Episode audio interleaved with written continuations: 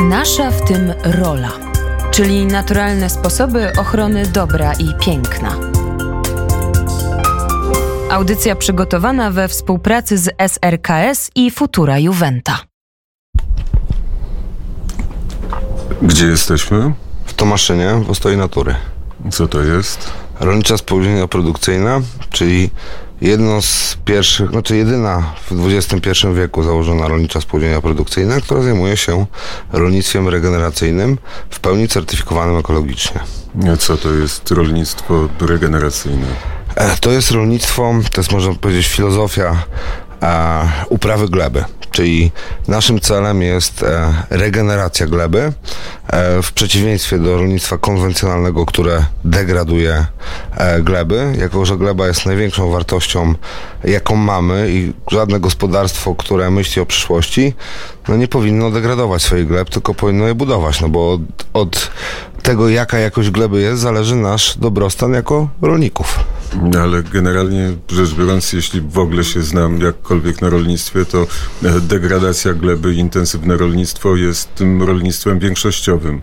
Tak, jak najbardziej tak. Myśl, rolnictwo regeneracyjne, regeneratywne, regenerative agriculture z angielskiego, e, no tak naprawdę ma 10-15 lat e, od swojej takiej, takiego wybuchu popularyzacji na świecie na razie. Głównie są to Stany Zjednoczone, no też trochę już Europy Zachodniej, też Australia, Nowa Zelandia, czyli powiedzmy ten zachodni świat, tak? On się e, budzi. E, myślę, że tutaj wiele czynników i chętnie o nich opowiem, bo są to bardzo ciekawe czynniki. Pierwsza rzecz to średnia wieku współczesnego rolnika, która jest 65 lat, tak, w zachodnim świecie, e, która powoduje, że stoimy dziś na takiej krawędzi, e, że ta wiedza i to doświadczenie, które było nagromadzone od pokoleń, się kończy. E, dlaczego? Dlatego, że mm, bardzo często ci rolnicy, którzy odchodzą, nie mają następców ani następczyń. No procent dzieci, gospodarzy, którzy zostają na gospodarstwach jest niewielki. No, tu myślę, że duże znaczenie miała industrializacja, o czym możecie posłuchać od strategów i innych, tak, która po prostu przeniosła ludzi do miast, dała lepsze możliwości zarobkowania i ci na wsi, którzy byli bardziej ambitni, nie szukali e, e, tego rozwoju na miejscu w swoim gospodarstwie, tylko uciekali tam, gdzie było łatwiej. I ta e, selekcja naturalna, bo na wsi zostawał nadzwyczaj no, ten najmniej zdolny syn i córka, albo ten, któremu się najmniej chciało, tak? Ten, który nie miał e, takich ambicji, żeby tam osiągnąć nie wiadomo co.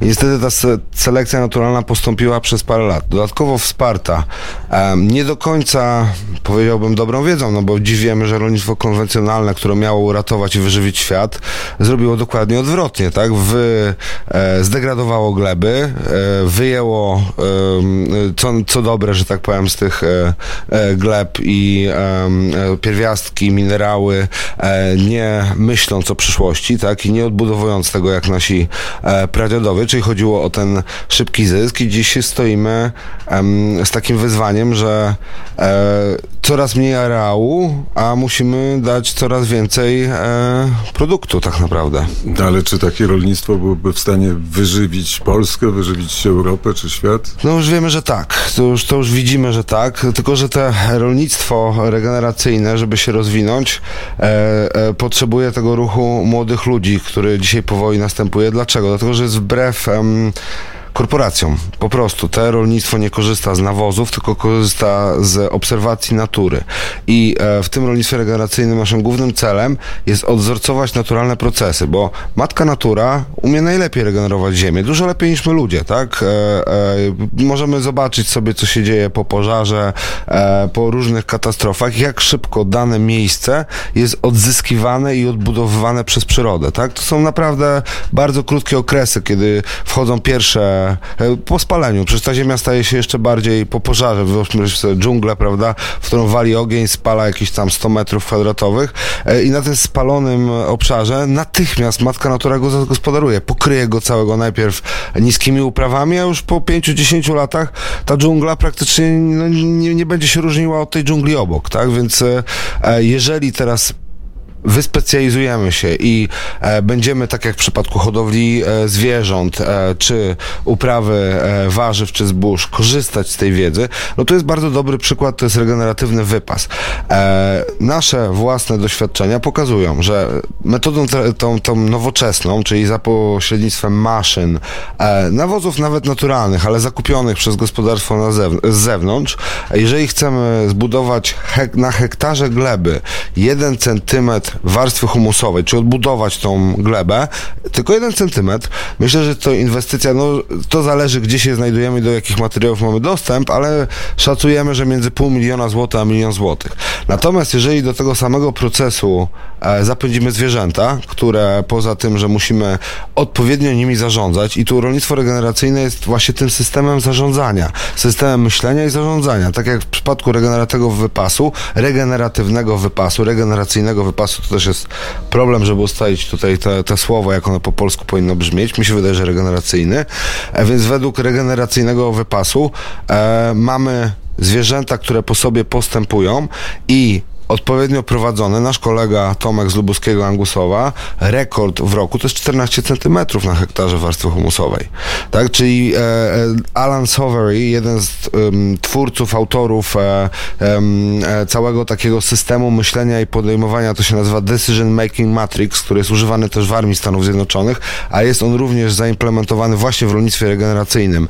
E, do tego, żeby współczesny rolnik, który dzisiaj jest to jeden z bardziej wymagających zawodów, bardzo stresogennych. Mamy największy procent e, e, samobójstw z wszystkich branż. E, to są rolnicy na świecie w tym momencie. Tak? E, to jest bardzo, bardzo duży stres, bardzo duże e, ryzyko, które taki rolnik podejmuje i jeszcze podejmuje w walce z naturą. Więc wracając do Alana, e, on nam dał taki system podejmowania decyzji. Dla odmiany drugi kolega, P.A. Yeoman z Australii, stworzył skalę permanentności. I współczesny rolnik regeneracyjny, który musi rozumieć społeczeństwo, ekologię i ekonomię. To jest taka piramida, w której my się poruszamy, tak? I my nie możemy odbić za bardzo w żadną stronę, tak? Bo musimy być ekonomicznie wydajni, musimy rozumieć naszego klienta, czyli społecz- jakby ten aspekt społeczny i dostarczyć wartościowy produkt, który nakarmi społeczności, a jednocześnie no, dbamy też o ekologię całego systemu, żeby to nie w żaden sposób nie było e, e, przekręcone, o tak można by powiedzieć, tak? Czyli, że w momencie, kiedy jest tylko ekologia, a nie ma ekonomii, nie ma odbiorców, no to jest jakaś zabawa fundacji czy stowarzyszenia. W momencie, kiedy jest tylko ekonomia, a nie ma ekologii i nie dbamy o klienta, no to mamy dużo tanio. U pana wszystko się zgadza? No, dążymy do tego. To nie właśnie po to e, e, ten Decision Making Matrix polega na tym, że to jest rodzaj lupu, w którym my cały czas e, poprawiamy się. To nie jest tak, że my zatrzymujemy się, jesteśmy, stajemy w miejscu na szczycie piramidy i już z niej patrzymy i jesteśmy tymi zwycięstwami, zwycięzcami tego rolnictwa. Nie. My po prostu mamy nieskończony cykl nauki i nieskończony cykl ulepszania się. A czego pan się nauczył? Wszystkiego. Powiem szczerze, że no, dużo wiedzy w życiu zdobyłem w różnych kategoriach, e, różne rzeczy w życiu robiłem, ale tu w rolnictwie ta nauka jest najintensywniejsza. No, przede wszystkim biologia gleby, to jakie procesy zachodzą w glebie, jak e, tym sterować, jak robi to matka natura, co, e, co robią na przykład zwierzęta w porównaniu, w po, połączeniu z poszczególnymi, no, na przykład jak rozwinęły się przeżuwacze z trawami. Jeżeli chcemy u, hodować przeżuwacze, no to musimy rozumieć, jak rosną trawy, tak? No bo to jest e, łańcuch połączony, tak? Jeżeli, jak świnie e, zachowują się w lesie, tak? Bo ich naturalnym środowiskiem dzika jest las. I tutaj mamy kolegów i mamy przykłady, tu na przykład e, Richard Perkins, o, o, o którym zawsze wspominam, jest jednym z moich takich no, nauczycieli, tak można powiedzieć, nauczycieli. Jego książki, jego wykłady są, otwierają oczy i, i dają do myślenia. Więc on wpuścił świnie do lasu i dziś ma las, który jest wypełniony dębami, bukami i innymi szlachetnymi gatunkami drzew, których żadnej nie posadził te drzewa posadziły świnie, a jednocześnie wyplemiły wszystkie byle jakie gatunki, zeżarły po prostu. No dobrze, ale rozpoczęliśmy od takiego pesymistycznego twierdzenia, że ludzie uciekli ze wsi, nie ma rolników i nie ma przekładania wiedzy e, tej, którą, którą mieli y, przodkowie. No to w takim razie pytanie, y, czy takie rolnictwo może wyżywić świat. No to jest... Może, natomiast e, musi być zorganizowane w sposób rozproszony. Czyli tak jak pamiętamy e, nasze rolnictwo 100 lat temu, dużo małych gospodarstw i średnich gospodarstw. Idzie, nie do... idzie wszystko w zupełnie innym Dokładnie kierunku. tak, ale e, tą szalę może przewa... e, Co jest siłą rolnictwa regeneracyjnego? Bo to jest jakby bardzo ważne z punktu widzenia przyszłości Ale i dlaczego czy- patrzę pozytywnie w tą przyszłość. To jakby e, siłą jest to, że i te rolnictwo regeneracyjne, przez to, że rozumiemy naturę, a jednocześnie e, jesteśmy w stanie użyć narzędzi e, i rozwiązań i systemów, które nie wymagają dużych inwestycji. Dużo z tych rzeczy jesteśmy w stanie stworzyć sami za bardzo małym nakładem e, środków i już w pierwszym roku jesteśmy w stanie uzyskać zwrot tych nakładów. I tak było w Pana przypadku? I tak i nie. Dlatego, że w części regeneracyjnej tak, ale my przez to, że jesteśmy spółdzielnią, poszliśmy dużo szerzej. Czyli poszliśmy też w klasyczne rolnictwo ekologiczne. Ściągnęliśmy tutaj, naszym członkiem jest Stanisław Suchorski e, z Wielkopolski. Jest to rolnik e, ekolog, w moim trochę młodszy nawet ode mnie, e, który 12 lat z rodziną od lat 90. prowadził e, jedno z bardziej uznanych i docenionych gospodarstw ekologicznych w kraju. Zresztą był uznany za najlepszego rolnika ekologicznego w Wielkopolsce i jednego z lepszych w kraju. E, w trójce był chyba najlepszych. E, więc e, ściągnęliśmy go tutaj. Ja pojechałem do niego na praktyki po tych praktykach on spodobał mu się projekt, który tu chcemy stworzyć i do nas dołączył. I przez pierwsze trzy lata równolegnie e, robiliśmy i regeneracyjne rolnictwo, i klasyczną ekologię. Klasyczna ekologia, czyli tak naprawdę rolnictwo konwencjonalne, tylko bez chemii, ale e, system myślenia, sposób używania masy, e, maszyn, zarządzanie systemem jest bardzo zbliżone do rolnictwa konwencjonalnego. E, dalej używamy tych samych sprzętów. W rolnictwie regeneracyjnym jest zupełnie inaczej. Nie potrzebujemy ciągnika. Od tego trzeba zacząć. W rolnictwie regeneracyjnym, żeby uprawiać hektary, nie jest nam potrzebny ciągnik, co jest wielkim paradoksem rolnictwa. Teraz wydaje się każdemu, że bez ciągnika nie da rady. No właśnie rolnictwo regeneracyjne pokazuje, że Ale to wtedy jest potrzebna własna praca. e, zwierzęta. Są potrzebnie dobrze zarządzane zwierzęta, które robią tą pracę, bo krowy pracują całą dobę. Tylko one mogą pracować tak jak gospodarz, który nie rozumie tego, wypuszcza na przykład te krowy na duży obszar i one się rozlezą i one wtedy decydują, co zjedzą. Natomiast jeżeli zbliżymy się do natury i zamkniemy je w ciasnym stadzie, ograniczymy im bardzo, czyli damy im bardzo ciasną kwaterę i codziennie przepędzimy z kwatery na kwatery, to wtedy włącza się element stadny i te krowy już nie będą przebierać między trawami, tylko wiadą jak kosiarka i skoszą na tej małej kwaterze wszystko. Kosząc to, jednocześnie y, oddadzą tam swoje odchody, zasilą to, e, wydeptają to i wymieszają. Więc zrobią robotę, do której potrzeba jest trzy albo cztery maszyny, do których potrzebny jest operator i do których jest potrzebny e, wsad, też na przykład nawóz, oprysk i tak dalej. One wszystko to zrobią. Jeżeli ten system odpowiednio poprowadzimy przez cały rok, to bez problemu przerobimy i zasilimy pole hektarowe, dwu, pięciohektarowe. No to zależy od wielkości stada oczywiście i od naszych e, możliwości, ale dwie, trzy osoby, rodzina jest w stanie e, zarządzać e, stadem przynajmniej kilkudziesięcio. E, no tu Tomek z Lubuskiego jest bardzo dobrym przykładem. On na 18 hektarach ma kilkadziesiąt krów, ko, e, e, ma świnie, ma e, oczywiście ma kurczaki, ma owce kozy, więc ma taką pełną, pełny, że tak powiem, e, wachlarz tych zwierząt od małych do dużych i one, jeżeli połączy się w, w odpowiedni ekosystem, będą ze sobą współpracować. Ale najpierw są krowy, a potem po krowach kto przychodzi? No powinno iść zwierzę średnie, czyli powinna na przykład owca albo koza, bo koza już w ogóle w niczym nie przebiera i ona po prostu z, już będzie totalną kosiarką, wyje też ocet, wyje wszystkie chwasty, wyje wszystko i na taką przygotowaną trawę w odstępie na przykład 3-4 tygodniowym, czyli w odstępie y, od czasu, kiedy krowa zrobiła kupę jest możliwość, że z tej kupy wyjdzie larwa, e, w tym momencie powinny wjechać e, chicken traktory z, e, z kurczakami, tak, które dla odmiany znowuż są tak samo prowadzone. Na wąskich, te chicken traktory to są takie szafy jeżdżące na kółkach, które codziennie się przesuwa. Więc te kurczaki zamknięte w tej szafie przerabiają całą ziemię, bo tam jest jakby nie ma podłogi, jest tylko szafa, która chroni te kurczaki przed elementami z zewnątrz, przed lisem, sokołem, innymi zagrożeniami i daje temu e, kurczakowi, ja codziennie przesuwam tą szafę i on ma po prostu codziennie dostęp do 3 metrów e, kwadratowych świeżej trawy, już teraz dwa razy dziennie, e, więc i one ją przerabiają, więc najpierw robi to krowa, potem robi to koza, na końcu robi to kura, za rok tak zostawiona ziemia, no będzie miała kilka centymetrów dodatkowej warstwy humusowej i, i będzie bardzo dobrze rodziła. Zanim rozpoczął pan ten cykl ekologiczny, musiał pan przygotować ziemię.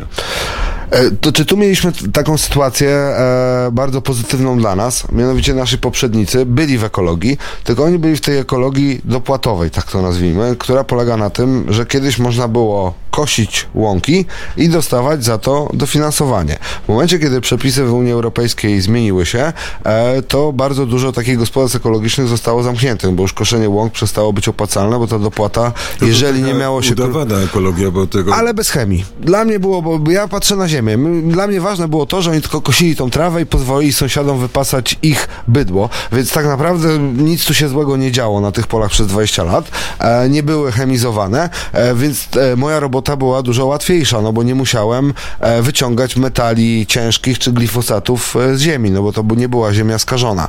Natomiast tak, musiałem te łąki e, wziąć pod uprawę i doprowadzić do porządnego stanu, A żeby... jak, a jak dużo w Polsce jest takiej skażonej ziemi? Ja myślę, że coraz więcej. Znaczy my w Polsce dużo. Czy Ja myślę, jest że jakaś statystyka, czy pan zna jakieś liczby? wiemy, jak jest w Europie Zachodniej. Wiem, że tam to, e, no i dlatego tak płaczą i dlatego tak cisną na tą ekologię i na tą zmianę i na ten zielony ład, dlatego, że oni są już e, przed upadkiem. Tak, oni, tak naprawdę to jest taki heroinista, bo w ogóle rolnik konwencjonalny to jest, jak ja go przyrównuję, do kogoś, kto jest uzależniony od heroiny. Czyli pierwsza działka daje fajny boost, efekt, prawda, tą radość, euforię, jak nie wiem, jak to się tam nazywa. Natomiast czasem trzeba brać tego coraz więcej, a pieniędzy jest coraz mniej.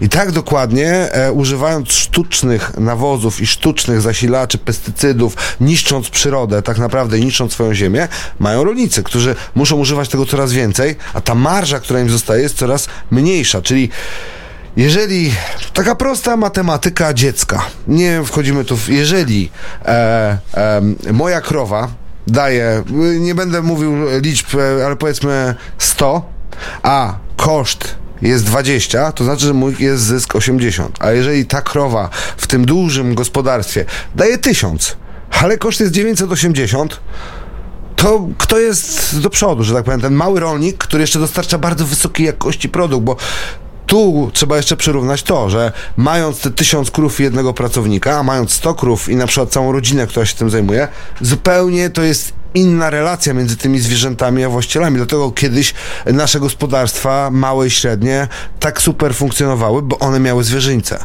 I te rodziny, które się zajmowały tymi gospodarstwami, zajmowały się zwierzęciem i te zwierzęta pracowały na tych gospodarzy. Dziś gospodarze poszli w monokultury, w monouprawy, w monohodowlę. Tysiąc świń, dziesięć tysięcy świń, dziesięć tysięcy krów. Nie ma tam już serca, nie ma już tam żadnego ekosystemu. To jest po prostu pieniądz. A w jedzeniu chyba nie o to chodzi, tak? Nam chodzi o zdrowie, o to, żeby to było zasilone, żeby te zwierzęta były szczęśliwe i żeby dały na koniec dobry produkt. No, Na- taka na jest moja filozofia. Wielkim, pana filozofia tak, ale wielkim korporacjom, które rządzą tym wszystkim, chodzi o coś innego. Ale zysk też, też się osiąga. Jakby rolnictwo regeneracyjne właśnie tym się różni od e, konwencji, że my nie mamy tego ciężaru Czyli pan- e, żerujących na mnie e, systemów dookoła, tak? Czyli dostawców różnych rzeczy, którzy wysysają i pośredników. To jest druga rzecz, No, Ale że... to pan musiał zbudować ten system też ekonomiczny, czyli Tak. wie, wie pan, komu pan sprzedaje i sprzedaje pan to, co pan robi. Tak. I nie ma problemu? No nie ma, no bo e, tak jak e, pan tu przyjechał i zobaczył pan na własne oczy, to naszym celem jest właśnie, żeby jak najwięcej klientów nas odwiedziło i przekonało się, To Tomaszyn to nie jest centrum świata. Zgadza się, ale dlatego też mamy na przykład kanał YouTube, tak, na którym e, każdy w każdego miejsca na świecie może wejść i jest i są wersje. Wejdzie, ale nie zje. E, no nie zgodzę się, bo nasi klienci w Warszawie, czy w Gdańsku, czy e, w Olsztynie bardzo często kontakt z naszym gospodarstwem mają przez YouTube'a. I dowiadują się o tym, czym jesteśmy, a uwiarygodnieniem tego jest dopiero komunikacja przez social media. A nie zapytałem się pana, kim pan jest, bo pan jest człowiekiem, który przyjechał na wieś. Tak. Ja jestem z urodzenia warszawiakiem, wychowany w Warszawie. I co panu wpadło do głowy, gdzie pan pracował przedtem? No, zajmowałem się mediami, między innymi w telewizji Polsat. Wcześniej też e, byłem e, producentem muzycznym. E, no, zajmowałem się polskim No hip-hopem, dobrze, i chciał, i chciał pan y, po, przyjechać i, i, i zmienić E, garnitur czy dżinsy na robocze...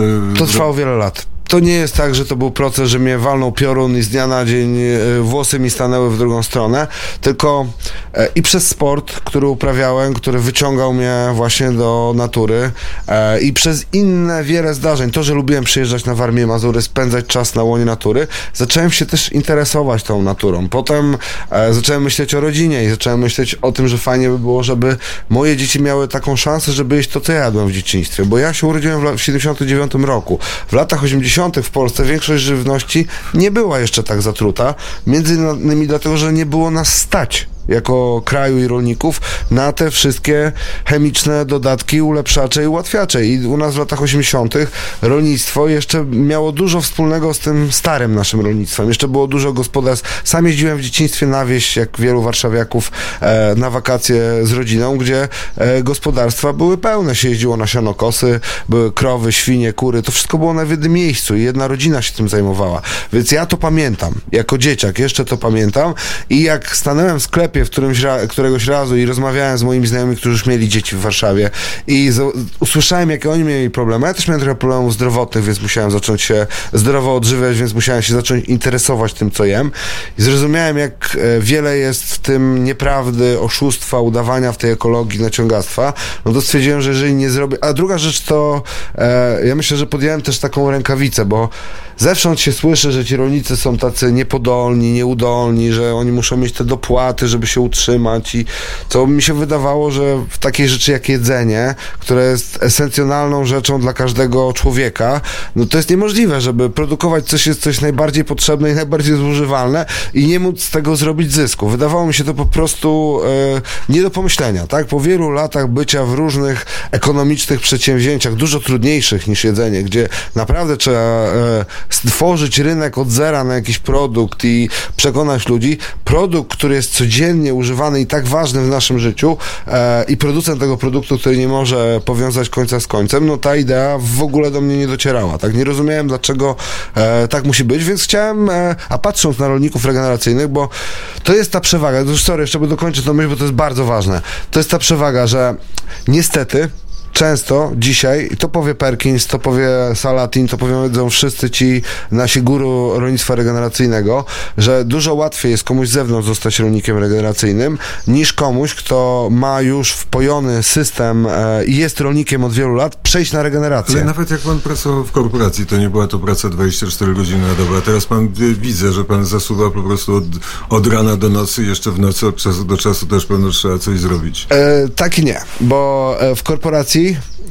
oddzielamy się, prawda? Jesteśmy sami. A tutaj e, w mojej pracy towarzyszy mi syn już, który ma tam trzylatka, tak? I on czy na ciągniku, czy przy wielu różnych pracach.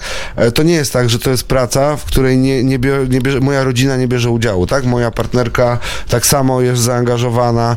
E, e a, idziemy tak. Tak. E, nasza córka e, jeszcze nie, ale, ale też lubi bawić się grabkami i w e, no-digach pogrzebać. A, po, a potem przyjdzie ten trudny czas szkoły i okaże się, że w Tomaszynie nie ma szkoły i trzeba będzie z nimi jeździć. No to pewnie tak, no może chyba, że założymy swoją szkołę w przyszłości tutaj, bo też mamy e, plan zbudować tutaj, najpierw budujemy gospodarstwo i go, budujemy przedsiębiorstwo, które jest oparte o zdrową żywność, a następnym celem jest budowanie społeczności ludzi, którzy wierzą w podobne ideały jak my i chcą rozwijać to, co tu robimy na różnych polach, bo tu nie tylko chodzi o produkcję żywności. Wstaliśmy od stołu, żeby wejść do e, miejsca, do takiej szklarni, gdzie są przepiękne, e, przepiękne maliny, ale muzyka gdzieś uciekła.